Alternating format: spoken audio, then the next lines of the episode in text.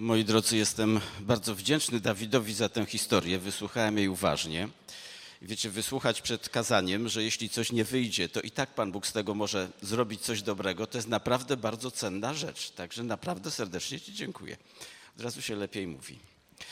Moi drodzy, w tym tygodniu, w tym tygodniu przemknęła mi taka wiadomość w internecie. W Hajfie znajduje się Muzeum Sztuki. W tymże Muzeum Sztuki wśród różnych eksponatów wystawiono jeden, który przedstawia krzyż, no, zwykły krzyż, a na tym krzyżu ukrzyżowaną postać klauna. Klauna, tego, który ongiś był eksponowany przez sieć sklepów McDonald's. A więc krzyż z ukrzyżowanym klaunem. Informacja o tym wzburzyła grupę chrześcijan, głównie pochodzenia arabskiego, i w Hajfie wybuchły zamieszki z tego powodu. No, doszło nawet do starć z policją, trzech policjantów zostało rannych. W Europie to by się nie zdarzyło. Tutaj panuje inny klimat, prawda? Tutaj panuje tak wielka tolerancja dla ekspresji artystycznej, że nawet największe przejawy bluźnierstwa, umyślnego bluźnierstwa, są traktowane jako dzieła sztuki, którym nie wolno się sprzeciwiać, bo jest to niezgodne z pojęciami kultury, dobrego wychowania itd. Tak Ale tam, tam trochę inaczej ludzie reagują.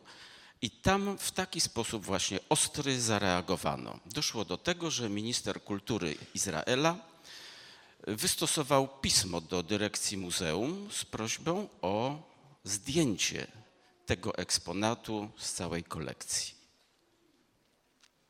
Moi drodzy, tak myślałem o tym. Ja nie chcę się wdawać tutaj w żadne w żadne głębsze analizy, ani też specjalnie nie podaję, kto był autorem tego tak zwanego dzieła, żeby mu herostratesowej sławy nie przyczyniać, ale zastanawiam się, jak wiele zawinił Jezus temu człowiekowi, że zdecydował się coś takiego pokazać.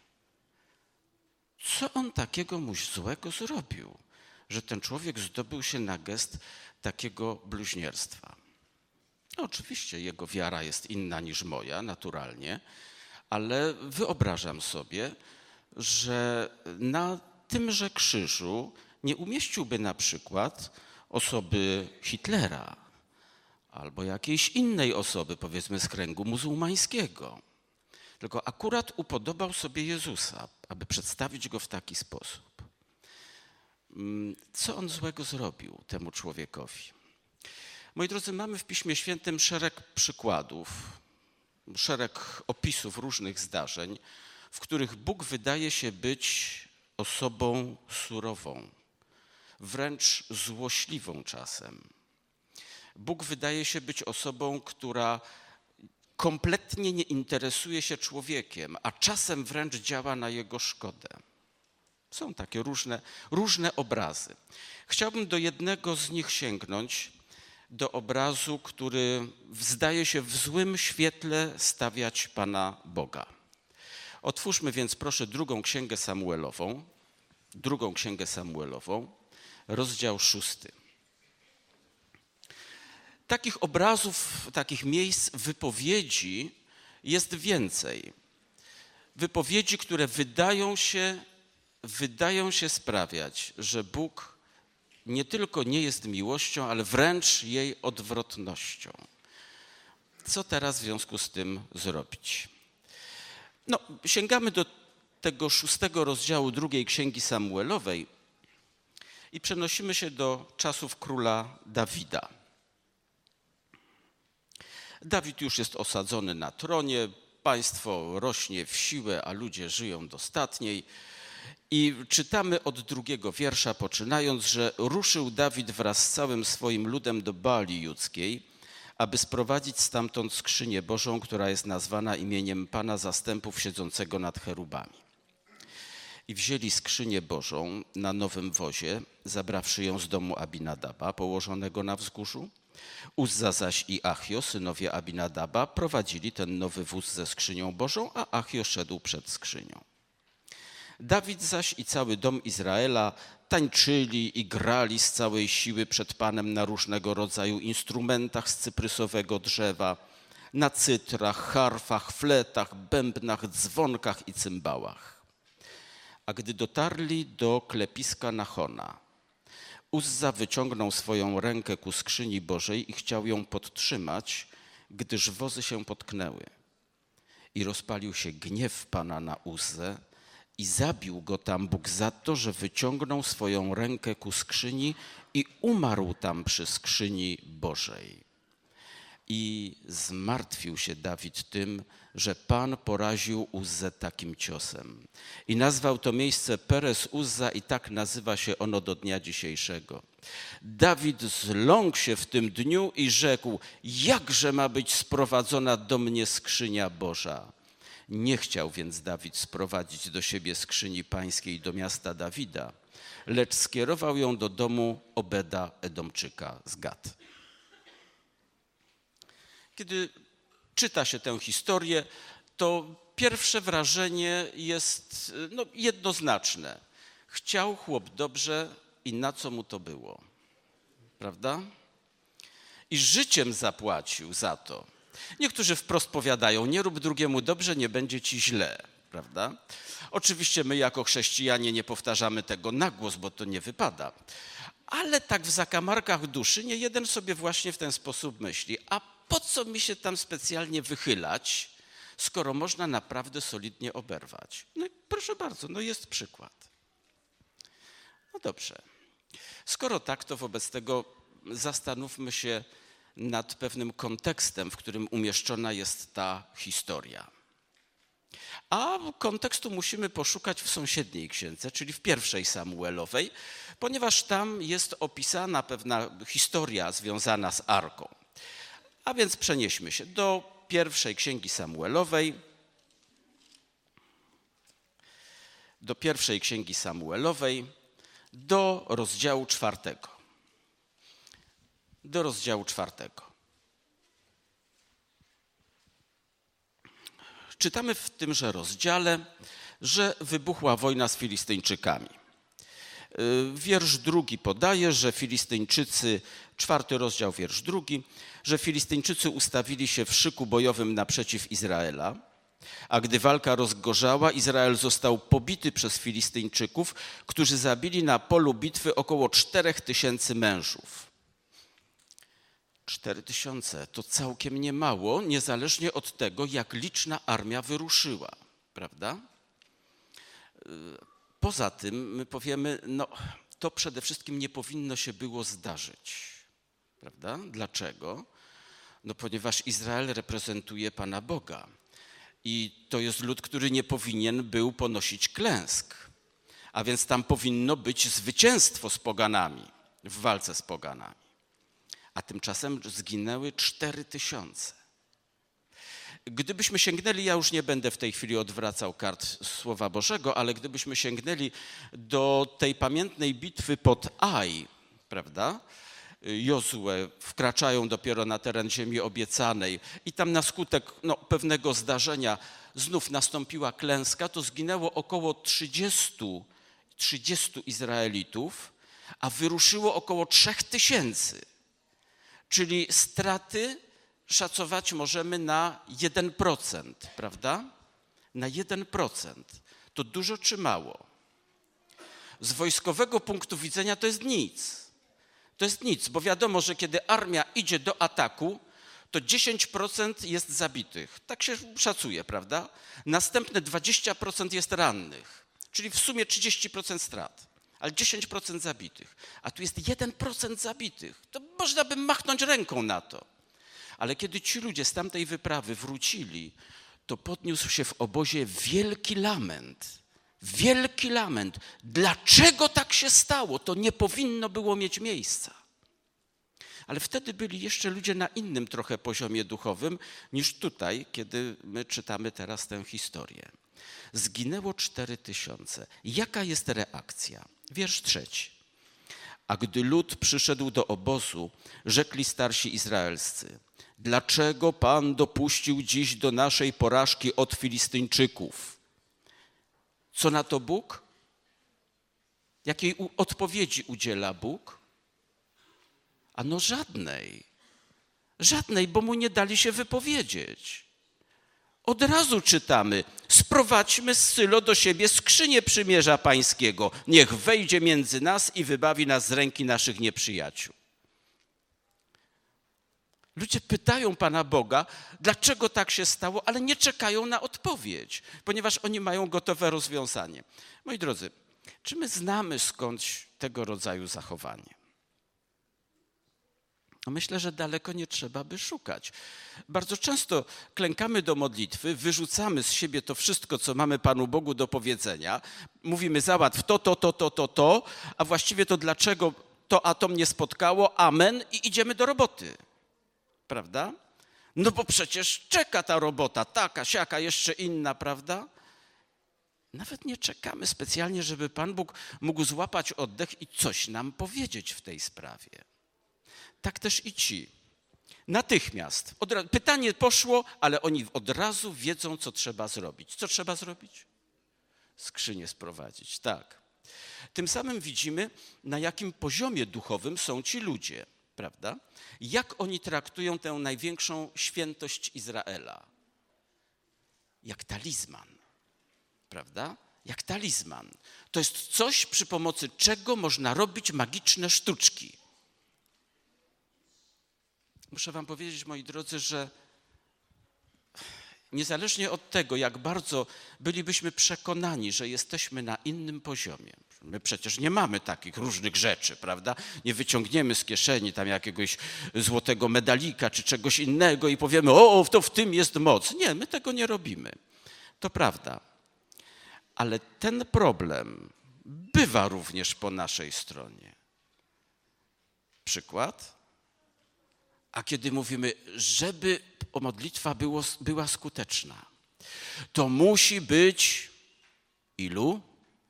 No iluś tam braci. Sam jeden nie, to mało jeszcze. Ten nie, ten to wcale. Ale innych zebrać, prawda? Jak nobliwych, takich dostojnych, o, to oni niech się modlą. No ilu tam? No, dziesięciu byłoby dobrze. Dwudziestu, jeszcze lepiej. Od pięćdziesięciu to już Pan Bóg za, załatwia w ciemno. Wszystko, co tylko chcemy prawda? Więc jak się tak w kupę zbierzemy, to załatwimy wszystko. Różne rzeczy ludzie podają jako warunek szczęśliwej modlitwy, czyli takiej, w której Pan Bóg zareaguje zgodnie z naszym oczekiwaniem. Jedni mówią, albo to się na kolanach trzeba modlić. Tylko na kolanach, nie wolno inaczej. Inni mówią, a bo to się trzeba modlić właśnie w gromadzie, a bo to się trzeba modlić dwa razy dziennie, a to musi trwać co najmniej godzinę, a to musi być przez miesiąc, a najlepiej przez rok. Mamy gotowe recepty. To, to funkcjonuje jak talizman, prawda? To jest coś, to jest magiczna sztuczka, przy pomocy której staramy się zobligować Pana Boga do tego, żeby spełnił to, o co nam chodzi. A my nie chcemy złych rzeczy, my się nie modlimy o worki złota, prawda? Tylko same dobre rzeczy, o powodzenie w misji, o zdrowie dla drugiego, prawda? No tam przy okazji jakby w kapsie też przybyło coś, to dzięki Ci Panie Boże. Ale to nie, nie, to nie na pierwszym miejscu, absolutnie, to nikt tak nie powie. Więc, moi drodzy, ten problem naprawdę jest nam bliski. Nie udawajmy, że nie. Posłał więc lud do Sylo i sprowadzili stamtąd skrzynię przymierza Pana zastępów, siedzącego na tronie między cherubami. A obaj synowie Heliego, Hofni i Pinechas, towarzyszyli skrzyni przymierza Bożego. A gdy skrzynia przymierza pańskiego dotarła do obozu, cały Izrael podniósł ogromny krzyk, aż ziemia zadrżała. Gdy Filistyńczycy usłyszeli ten donośny krzyk, rzekli: no Cóż to za donośny krzyk w obozie Hebrajczyków? A gdy się dowiedzieli, że skrzynia pańska dotarła do obozu, przestraszyli się Filistyńczycy, gdyż mówiono: Przybył ich Bóg do obozu. Rzekli więc: Biada nam, gdyż czegoś takiego dotąd nie było. Biada nam, kto nas wyrwie z ręki tego potężnego Boga. To jest bowiem ten Bóg, który uderzył Egipcjan wszelką plagą na pustyni. I teraz, moi drodzy, nie czytając dalej, powiedzcie mi proszę, jak zachowywali się Izraelici, gdy przyszła na nich jakaś tam biada? To nie w tej historii, tylko w różnych innych. Gdy mówili, o biada nam, to co robili? Uciekali. Tak, to uciekali. Filistyńczycy też mówią biada, ale co oni robią? Wiersz dziewiąty. Zbierzcie siły. Okażcie się mężni Filistyńczycy, abyście nie popadli w niewolę Hebrajczyków, jak oni w naszą. Okażcie się mężni i walczcie. A gdy Filistyńczycy natarli, Izrael został pobity. Wszyscy uciekli do swoich namiotów. Była to bardzo wielka klęska, gdyż z Izraela padło 30 tysięcy pieszych. Także skrzynia Boża została wzięta. Zginęli też obaj synowie Helego, Hofni i Pinechas. Bóg wyraźnie dał do zrozumienia, że On nie działa w taki sposób, do jakiego ludzie chcieli Go zobligować. Że nie ma sposobu, nie ma systemu skłonienia Boga do tego, żeby koniecznie zrealizował mój zamiar, bo On jest dobry. To Bóg jest suwerenem. On jest absolutnie niezależny w swoich poczynaniach. To, co mogę robić, to pokornie prosić i równie pokornie czekać na to, co się stanie, i jeszcze pokorniej przyjmować to, co się stanie. To nie zawsze jest łatwe. Ale na tym polega wiara. Nie na wynajdywaniu rzekomych sposobów, które mają Boga przymusić do tego, że w końcu otrzep czoło, powiedział, słuchaj stary, ale mnie zmęczyłeś już, modlisz się tyle czasu, dobra, załatwię ci, no już weź przestań. Nie w ten sposób, nie z tym Bogiem. A więc tragedia. Zginęło tym razem 30 tysięcy i skrzynia Boża została uprowadzona. Skrzynia trafia teraz do Filistyńczyków i piąty rozdział mówi nam, co się dzieje. No oni wnieśli ją do mm, świątyni Dagona, swojego naczelnego bóstwa. Tam potem z tym bożkiem się, z tą figurą dzieją się różne dziwne rzeczy. Y, następnego dnia znajdują tego bożka plackiem na ziemi. Potem kolejnego dnia, kiedy go usiłują postawić na swoim miejscu, to on okazuje się nie ma rąk, nóg, prawda, sam korpusik tylko został. Więc Bóg wyraźnie mówi, no, z kim mnie wy chcecie porównywać, prawda, no, z człowieką, rybą, no, to, to nie w ten sposób. I następnie spada plaga. Spada plaga. Plaga jest bardzo dotkliwa. To są wrzody odbytnicy, to jest plaga myszy i jeszcze pomór do tego. I Filistyńczycy postanawiają, wyciągają stąd dobry wniosek, że to już nie, nie, nie, czas, żeby przechowywać dłużej ten sprzęt, gdziekolwiek on przyjdzie. A skrzynia wędrowała od Ażdodu, potem do mm, innych miast, jeszcze do Gad, do Ekronu i wszędzie był pomór. Więc oni postanawiają zwrócić skrzynię, ale zwracają ją z honorami. Tak jak oni, tak jak oni to pojmują, no po prostu po pogańsku, ale tak jak pojmują, tak ją zwracają a więc na wozie, prawda? A więc wraz y, z podobiznami, mm, tak jak czytamy w wierszu trzecim, jeżeli chcecie odesłać skrzynię Boga Izraelskiego, nie odsyłajcie jej z niczym, lecz dołączcie do niego daninę pokutną. Wtedy wyzdrowiejecie i dowiecie się, dlaczego ręka jego nie przestaje was gnębić. A oni zapytali, jaką daninę pokutną mamy mu złożyć? A tamci odpowiedzieli, według liczby książąt filistyńskich, pięć złotych podobizn wrzodów odbytnicy i pięć myszy ze złota.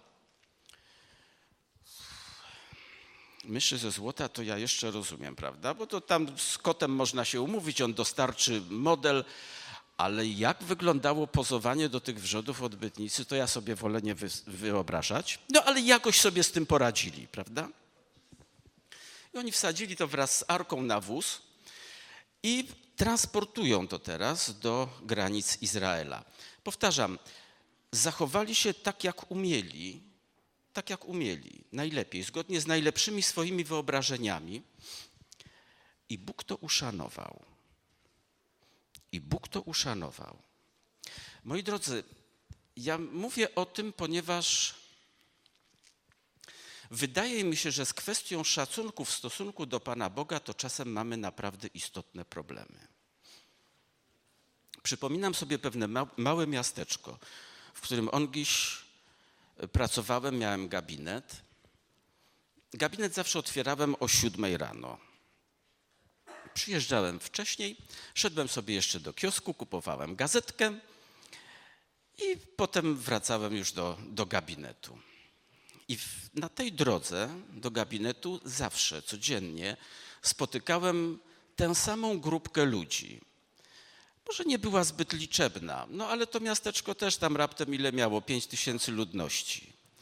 Ta sama grupa starszych ludzi, która wtedy, kiedy ja szedłem do pracy, to ta grupka wracała z kościoła. A więc msza była o szóstej. I codziennie, bracia, codziennie, niezależnie od pogody, ci ludzie wędrowali z kościoła i tą drogą, gdzie ja przechodziłem, to oni też szli do swoich domów. Codziennie, niezależnie od pogody. Ja Was bardzo proszę, zastanówcie się nad tym, gdy w następną sobotę będziecie myśleć nad tym, czy w ogóle się opłaca przyjść tutaj. Czy opłaca się nie spóźnić? Czy opłaca się przyjść na pierwszą część nabożeństwa? Powiecie, a to tamci, tak, tamci. Ale ci tamci swoją gorliwością naprawdę mogą nas zachwycić w niejednym przypadku. Bóg uszanował gorliwość tych Filistynów, arka została zwrócona. I teraz coś się dzieje. Dziewiętnasty wiersz. Kiedy już dotarła do Izraelitów, to czytamy szósty rozdział, dziewiętnasty wiersz.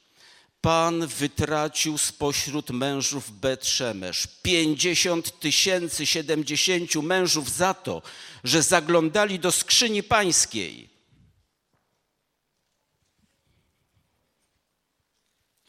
To jest lud Boży. Co się dzieje? Gdybyśmy policzyli straty, to te, które wynikają z zewnętrznych działań, z zewnętrznej agresji, to było ile? 34 tysiące raptem, prawda? Około. A ile strat wynikna, wynikło wskutek wewnętrznego niedbalstwa, wewnętrznego, osobistego zaniedbania wiary, arogancji w stosunku do Boga? Ile? 50 tysięcy.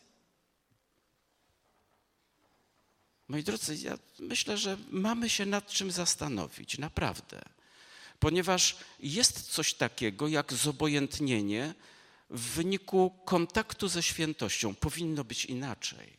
Ale niestety takie zobojętnienie czasem daje się odczuć. Ja wam dam prosty przykład, też z takiej medycznej działki.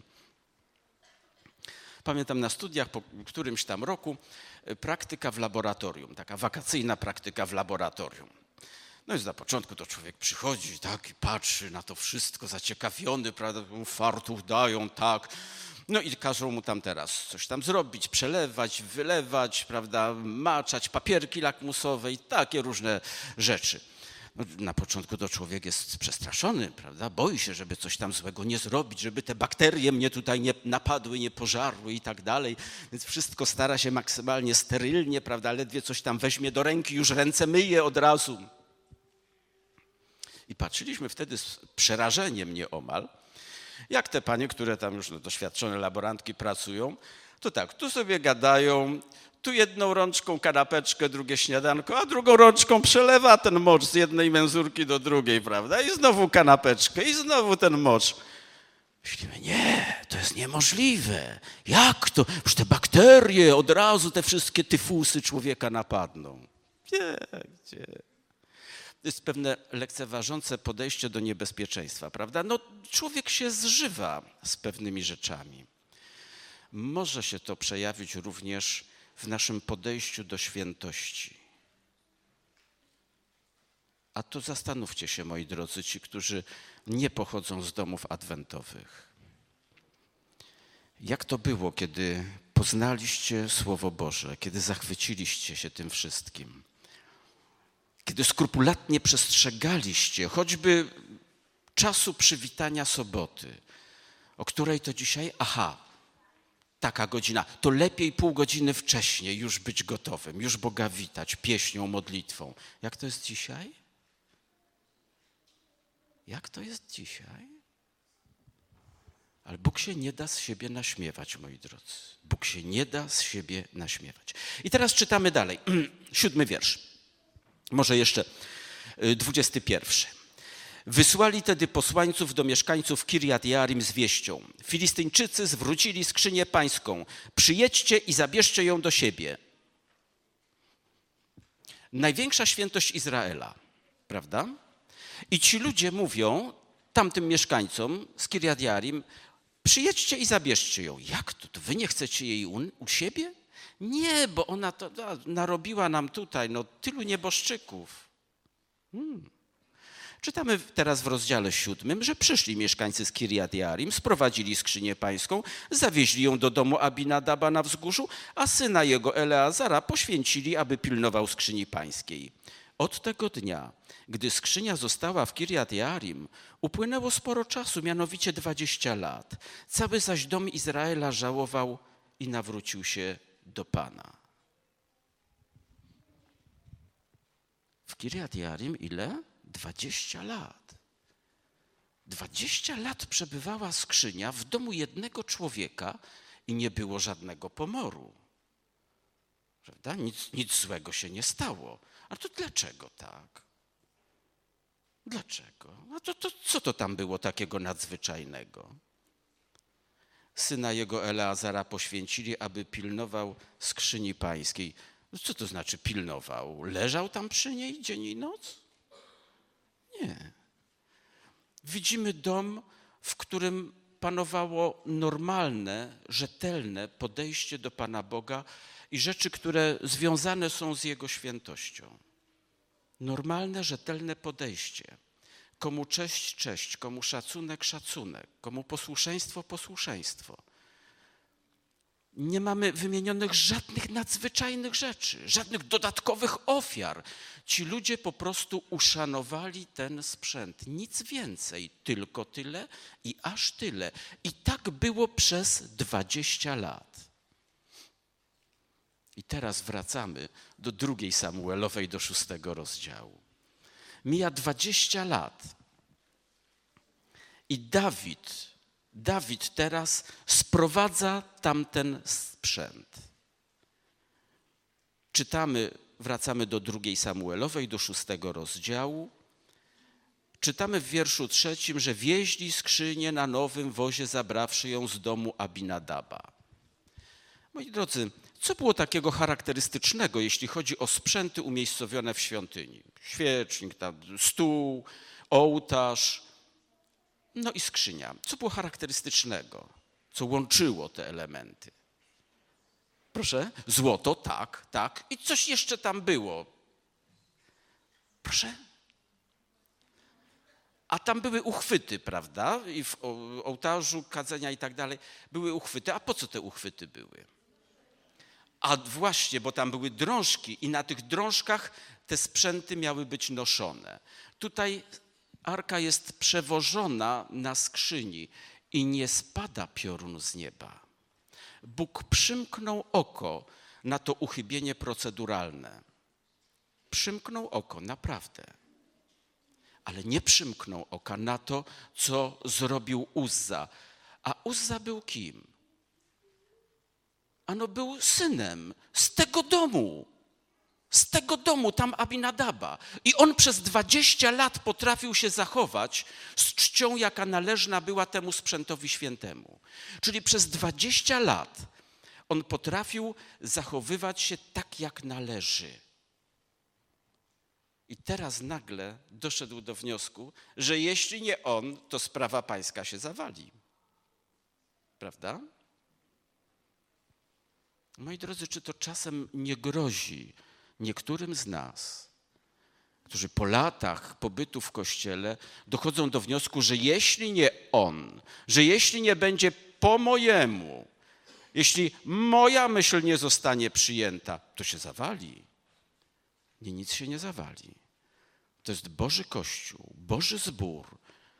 I Bóg nad tym czuwa, ale Bóg się nie da z siebie naśmiewać, tak jak jest napisane. Bóg się nie da z siebie naśmiewać. I ten człowiek, który przez 20 lat potrafił wykazać należyty szacunek w stosunku do skrzyni, nagle o tym zapomina. Dlaczego?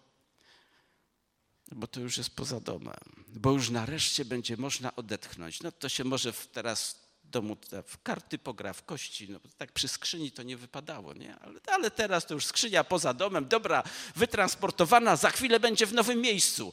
Mamy z głowy świętość, mamy z głowy Pana Boga. Możemy sobie pozwolić. Bóg się nie da z siebie naśmiewać. Moi drodzy, y, na zakończenie chciałbym, żebyśmy popatrzyli na Dawida.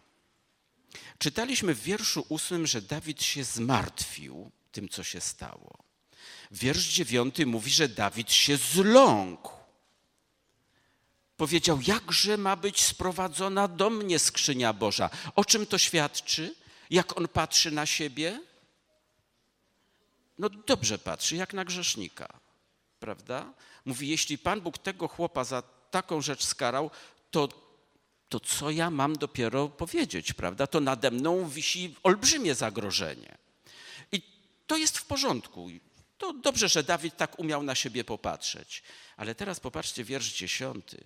Nie chciał więc Dawid sprowadzić do siebie skrzyni pańskiej do miasta Dawida, lecz skierował ją do domu Obeda Edomczyka z Gad. Edomczyk to kto? Kto to taki? Aha, pokrewny, prawda? Pokrewny. Nie taki czysty Izraelita, ale pokrewny. Jak ma ta skrzynia znowu jakiś pomór zrobić, to niech tam innym robi, po co ma naszych dotknąć, prawda? O dobrze, możemy to zrozumieć. I pozostała skrzynia pańska w domu Obeda Edomczyka z Gad przez trzy miesiące, a Pan błogosławił Obedowi Edomczykowi i całemu jego domowi. No patrzcie, co się dzieje. Czy tu jakieś czary są? Nie. Znowu widzimy człowieka, który z należnym szacunkiem podchodzi do Boga i do Bożych spraw. I Bóg to honoruje. Trzy miesiące błogosławieństw. A gdy doniesiono królowi Dawidowi, Pan błogosławi domowi Obeda Edomczyka i wszystkiemu, co do niego należy, ze względu na skrzynię Bożą wyruszył Dawid i sprowadził skrzynię Bożą z domu Obeda Edomczyka do miasta Dawida z radością. I teraz, kiedy niosący skrzynię Pana postąpili sześć kroków, on składał na rzeźną ofiarę wołu i tucznego barana. Co sześć kroków. Dawid urządził rzeźnię. Przy okazji tak radosnej uroczystości, jaką było sprowadzenie skrzyni Bożej. Dawid urządził rzeźnię. Potrzebnie czy niepotrzebnie? Kompletnie bez sensu. Kompletnie. Rozumiemy, to wynikało ze strachu, ale czego się bać? Czego się bać, skoro ten Bóg wymaga tylko jednego uczciwego podejścia, rzetelnego? To wystarcza w zupełności. 20 lat pobytu w skrzyni w Kiriat Arim, Kiriat Arim nie było problemu. Tu trzy miesiące w domu Obeda Edomczyka, masa błogosławieństw, nie ma problemu. Dawidzie, czy ty miałeś za mało doświadczeń z Bogiem, żeby się tak bać? Przecież ty wiesz, że jesteś człowiekiem, który się cieszy Bożym upodobaniem. Ty masz obietnice Boże po swojej stronie. Wreszcie Dawid powinien był pamiętać o pewnej historii, wrócimy do pierwszej Samuelowej, która wydarzyła się, wydarzyła się przed laty. Bardzo prostej historii.